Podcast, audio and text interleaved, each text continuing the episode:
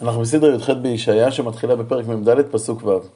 את הסדרה הקודמת סיימנו בתיאור הגאולה, על קיבוץ הגלויות, הפרחת המדבר, גאולה בה השם יוצק את ברכתו על ישראל, את רוחו על ישראל, כלומר את השיבה של הנבואה, וישראל מצידם מכריזים על השם כמלכם. כה אמר אדוני מלך ישראל וגואלו אדוני צבאות, אני ראשון ואני אחרון מבלעדי אין אלוהים, ומי כמוני אקרא ויגידיה ויערכיה לי משומי עם עולם. ואותיות אשר תבואנה יגידו לנו. כלומר, זו פתיחה שאומרת, אני בראתי את העולם, הגילוי שגיליתי את מה שיהיה בעתיד, האותות שנתתי על כך, כל זה, כל זה מלמד אותנו על מלכות השם. זה כמובן המשך של הפולמוס של ישעיהו נגד האלילים, שראינו אותו גם בסדרה הקודמת. וממשיך ישעיהו ואומר, אל תפחדו ואל תראו, הלא מאז השמעתיך והגדתי ואתם עדיי. היש אלוה מבלעדיי, ואין צור בל ידעתי. כלומר, באותו גילוי במעמד הר סיני, שכולכם הייתם עדים למאורע הזה, בעצם הפכתי אתכם לעדים שלי, עדים לאמיתותה של האמונה בהשם. לעומת זאת, האלילים הם הבל, יוצרי פסל כולם תוהו, וחמודיהם בל יועילו, ועדיהם המה, בל יראו ואל ידעו למען יבושו. כלומר, בני אדם שיוצרים את הפסלים הם העדים לכך שהפסלים לא רואים שום דבר ולא יודעים שום דבר. זה הזוי, מי יוצר אלוה, אלוהים? זה, זה, זה בושה. מי יצר אלו פסל נסח לבלתי הועיל, הן כל חבריו יבושו, והחרשים המה מאדם. יתקבצו כולם יעמודו, יפחדו, יבושו יחד. יש פה בושה גדולה לעשות מעשה כזה הזוי, וכעת יש תיאור של, ה, של ההזיה הזאת. איך יוצרים קודם פסל מברזל ואחרי זה פסל מעץ. חרש ברזל מהצד ופעל בפחם ומקבות יצרו. כלומר, יש פה עבודה עם פחם, עם אש, כדי אה, לעבוד עם הברזל, ויש פה עבודה עם עכבות כדי לעשות את כל הצורות, ויפעלהו בזרוע כוחו, גם רעב ואין כוח, לא שתה מים ויעף. ככה יוצרים פסלי ברזל. לעומת זאת פסל עט עושים באופן אחר, חרש עצים, נטע קו, יתארהו בסרד, כלומר מסרטט, בונה סקיצה, יעשהו במקוצועות ובמחוגה יתארהו, ויעשהו כתבנית איש, כתפארת אדם לשבת בית. מאיפה הוא מפסיק עצים כדי לעשות את הפסלים הללו? לכרות לו ארזים, ולקח... ויקח תרזה ואלון, ויאמץ לו בעצי יער, נטע אורן, וגשם יגדל. אז עכשיו הוא בעצם אה, נוטע אה, עצי אורן, הגשם מגדל את העצי אורן, והעצי אורן זה עצים שקל לעבוד איתם. אחרי זה הוא לוקח את העץ ומשתמש בו לכמה דברים. למה הוא משתמש בעץ? והיה לאדם לבאר, ויקח מהם ויחם, אף יסיק ואפל לחם, ואף יפעל אל וישתחו. עשהו פסל ויסגוד למו. כלומר, ישעיהו מגחיך פה את עבודת הפסלים. האדם הולך, חוטב אה, עצים אה, ביער, חלק הוא מחמם את הבית, חלק הוא אופה לחם, במה שנשאר הוא בונה לו אלוהים. הוא ממשיך לתאר מה עשה האדם ששתל את העצים, כעת הוא כרת אותו, הוא משתמש בגיזו. חציו שרף במו אש. על חציו בשר יאכל, יצלה צלי ויסבע. אף יחום ויאמר, ריח, חמותי, ראיתי אור. כלומר, על חלק אחד יעשה על האש, בחלק אחר הוא יחמם את האח בבית וישאג באושר, אה, האח, חם לי. ובמה שנשאר הוא עוד יצליח לעשות לעצמו פסל, ושאריתו לאל עשה לפסלו. יסגוד לו וישתחו ויתפלל אליו, ויאמר הצילני כי אלי אתה, כלומר למשהו יישאר לו מחתכת עץ, הוא יבנה לו איזה אלוהים, יתחנן אליו אל הפסל שהוא עשה משארית העץ, ויבקש ממנו שישיע אותו. אם תשאל את עצמך מה הם טיפשים, הם לא רואים את האווילות שבמעשיהם, אז עונה ישעיהו ואומר לא ידעו ולא יבינו, כי תח מראות עיניהם מהשכיל ליבות, אה, ליבותם. ולא ישיב אל ליבו ולא דעת ולא תבונה לאמור, חציו שרפתי במו אש. הוא לא יגיד לעצמו, תשמע, אני שרפתי הרי חצי מהעץ הזה בלא אש, במו אש, ואפפיתי על גחליו לחם, אצלה בשר ואוכל, ויתרו לתועבה אעשה לבול עץ אסגוד? כן אומר ישעיהו, אנשים עושים מעשים בלתי הגיוניים, לא מסוגלים לראות את האבסורד שבמעשיהם. רואה אפר, כלומר אתה עובד אפר, הרי את הפסל עץ הזה שהוא יישרף יהפך להיות לאפר, לב הוטל איתה הוא, לב אה, עקום איתה את האדם ולא יציל את נפשו ולא יאמר הלא שקר בימיני.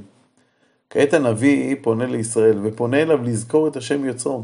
זכור אלה יעקב ישראל כי עבדי אתה, יצרתיך עבד לי אתה ישראל לא, לא תנשני. כלומר, כאשר אה, דיברתי קודם על, ה, על בני אדם שיוצרים את האלילים, אתה צריך לזכור שאני האלוקים שלך, השם אלוקים יצרתי אותך.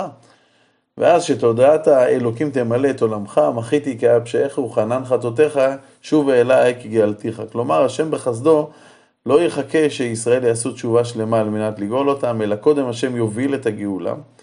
ואז הוא יפנה לעם ויאמר לו, שוב אליי גאלתיך. כעת בארץ ישראל, הרחק מטומאת העמים, הקדוש ברוך הוא יאמר לנו, אתה יכול לחזור אה, בתשובה. רנו שמיים כי עשה אדוני, תריעו תחתיות ארץ, פיצחו, הרים רינה, יער וכל עץ בו, כי גאל אדוני יעקב וישראל יתפאר. כלומר, השמיים, הארץ, כל העולם כולו, כל העצים, ישמחו בגאולת ישראל, ומדוע? כי גאולת ישראל היא לא עניין פרטי של ישראל, אלא היא תיקון של כל המציאות כולה. וכעת אנחנו עוברים לנבואה חדשה, נבואה שיש בה פרטים מאוד מאוד מדויקים מהגאולה העתידה. כה אמר אדוני גואלך ויוצרך מבטן, אנוכי אדוני עושה כל נוטה שמיים לבדי, רוקה הארץ מאיתי. מפר אותות בדים וקוסמים יהולל, משיב חכמים מחור ודעתם יסכל, יסכל. כלומר אין שום כוח בעולם, אין שום חכם, אין שום קוסם שיש לה מידה כלשהי אל מול השם. מקים דבר עבדו ועצת מלאכיו ישלים.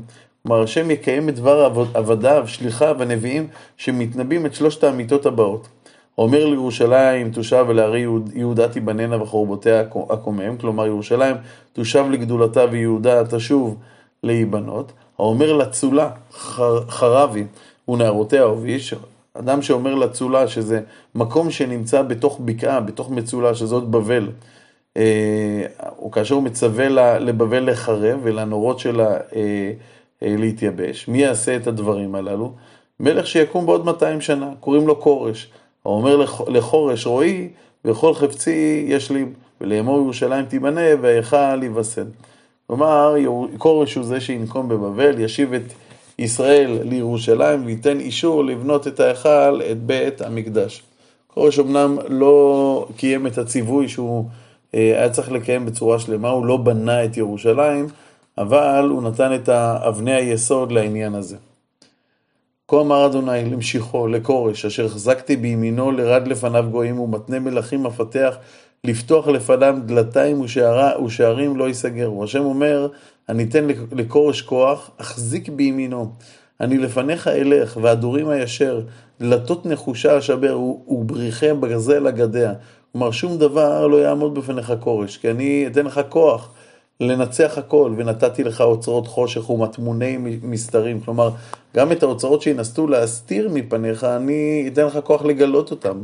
למען תדע כי אני אדוני הקורא בשמך אלוהי ישראל. ומדוע השם ייתן לכורש כוח לעשות את החיל הזה? למען עבדי יעקב, ישראל בכרי, ואקרא לך בשמך, אחניך ולא ידעתני. אני אדוני ואין עוד, זולתי אין אלוהים. כלומר, את כל הדברים אני נותן לך, כל הכוח ואת כל ההצלחה, כדי שתזכה להושיע את ישראל. העזרך ולא ידעתני. כורש היה עובד אלילים, אבל באיגרת שהוא שלח ליהודים, באיגרת כורש המפורסמת, הוא מצהיר על עצמו שהוא שליח השם. יכול להיות שהיו יהודים שנתנו, הראו לכורש את הנבואה שישעיהו נתן אותה אה, שנים רבות לפני זה, ושם הוא נקב את שמו, והדבר הזה הפעים את רוחו, ולכן הוא כתב ככה, כתב ככה גם באגרותיו, למען ידעו ממזרח שמש וממערבה, כי אפס בלעדיי, אני אדוני ואין עוד. יוצ... מסיים ישעיהו ואומר, יוצר ובורא חושך, עושה שלום ובורא רע, אני אדוני עושה כל אלה. אמ, אתם באמת תצאו לגלות, אבל אתם תגאלו. הבבלים יגלו אתכם, הפרסים ישיבו אתכם לארציכם. אבל הכל, גם הרע וגם הטוב, הכל הוא מעשה השם. בתפיסה האלילית יש אלוהי טוב ואלוהי רע. בתפיסה האלילית האלוהים האלה נאבקים אחד בשני, כי האלילים לא יכלו לתפוס ש, שאל טוב יעשה רע. והנביא אומר, אין דבר כזה אל טוב ואל רע, יש אחדותיות מוחלטת בעולם. שמע ישראל, השם אלוקינו, השם אחד, יש איזו אחדותיות שלמה, הכל יוצא מאת השם יתברך. הרעיפו שמיים ממעל, ושחקים יזלו צדק, תפתח ארץ ויפרו ישע, וצדקה תצמיח יחד, אני אדוני בראתיו. יש פה קריאה לשמיים, יש פה קריאה לארץ, לכל עולם הטבע, לסייע באותו תהליך של גאולה. הוי, רב את יוצרו חרס, את חרסי אדמה. האומר חומר ליוצרו, מה תעשה? ופעולך אין ידיים לו? אוי, אומר לאב מה תוליד ולאישה מה תכילין. יש פה משל, משל כפול. חומר אומר ליוצר שלו, מה אתה עושה? בן אומר לאביו, מה אתה מוליד? מה המשמעות של המשל הזה? אפשר לשאול, הנביא עכשיו דיבר על הגאולה, אפשר לשאול למה השם מביא את הגאולה בצורה כזאת, על ידי מלך פרס? למה שלא יהיה איזה משיח שיתגבר בגלות ויוביל את עם ישראל כעם עצמאי? למה זה בצורה כזאת ולא בצורה אחרת? אנחנו הרבה פעמים לא מרוצים מהנהגה האלוקית. פעם שמעתי רב חשוב שאומר שלא צריך להגיד הלל על גאולת השם בדורנו, כי יש הרבה מחללי שבתות. אה, רחל המשוררת כתב, כתבה פעם שיר על הגאולה של שומרון, שנעשתה על ידי ארבעה מצורעים, כמו שקראנו בספר מלכים, ועל זה היא כותבת, אך אני לא הווה בשורת גאולה, אם מפי מצורע היא תבוא. כלומר, היא לא רוצה גאולה אם אדם מצורע מבשר לי אותה, היא מעדיפה למות, היא מבחרת למות ולא להיגאל על ידי מצורעים. אבל ישעיהו אומר במשל שלו, זה מגוחך לבוא ליוצר העולם בטענות על האופן שבו הוא מוליך, מוליך בו את העולם או את גאולת ישראל. ובלשונו, היאמר החומר ליוצרו, מה תעשה? נמשיך. כה אמר אדוני קדוש ישראל ויוצרו, האותיות שעלוני על מה, על, בנ, על בניי, על פועל ידיי תצווני. אנוכי עשיתי ארץ ואדם עליה בראתי. כלומר, האדם הזה, זה, זה כורש שבראתי על הארץ הזאת, אני עדיין נטו שמיים וכל צבאם ציוויתי, אנוכי העירותי הוא בצדק וכל דרכיו הישר. כלומר, השם יעורר בליבו של כורש את הרצון לתקם, ואת הרצון לתקן וליישר את כל הצריך לתיקון בעולם. וממילא הוא יבנה עירי וגלותי ישלח. קורא שיעשה זאת לא במחיר ולא בשוחד, ולא במחיר ולא בשוחד, אמר אדוני צבאות, אלא כורש באמת התעורר על ידי הקדוש ברוך הוא לעשות טוב ולתקן את כל העוולות של סנחריב. כה אמר אדוני, יגיע מצרים ושכר כוש ושבעים אנשי מידה. עלייך יעבורו ולך יהיו, כלומר אנשי מצרים וכוש יהיו שלך. אחריך ילכו, בזיקים יעבורו, ואלייך ישתחוו, אלייך יתפללו, אך בך, אך בך אל, ואין עוד אפס אלוהים. כלומר, אותם מצרים, אותם אנשי כוש, יקבלו עליהם את מלכות השם, ויאמרו, אכן אתה אל מסתתר, אלוהי ישראל מושיע. השם הוא אל מסתתר, כי לשם אין גוף ואין לו דמות הגוף, לא, לא רואים אותו. ויאמרו המצרים, למרות שחשבנו שאין דבר כזה אל מסתתר, גילינו כי אתה האל המושיע. אתה אל המושיע ולא אל אלי מצרים ולא כל הדברים הללו שעד עכשיו האמנו בהם, אבל עכשיו אנחנו מתביישים בהם. בושו וגם נכלמו כולם, יחדיו הלכו בכלימה חרשי צירים. עד כאן הסדרה שלנו, נסיים עוד בפסוק נוסף. בניגוד למצרים שיבושו, ישראל לא יבושו בהשם אלוקיהם עד עולם. ישראל נושע באדוני תשועת עולמים לא תבושו ולא תקלמו עד עולמי עד. מתי הנבואה האחרונה הזאת של המצרים שבעצם אה, מכירים במלכות השם, מתי היא תתרחש או מתי היא תרחשה? יש כאלה שמסבירים שזה היה בימי ישעיהו עצמו.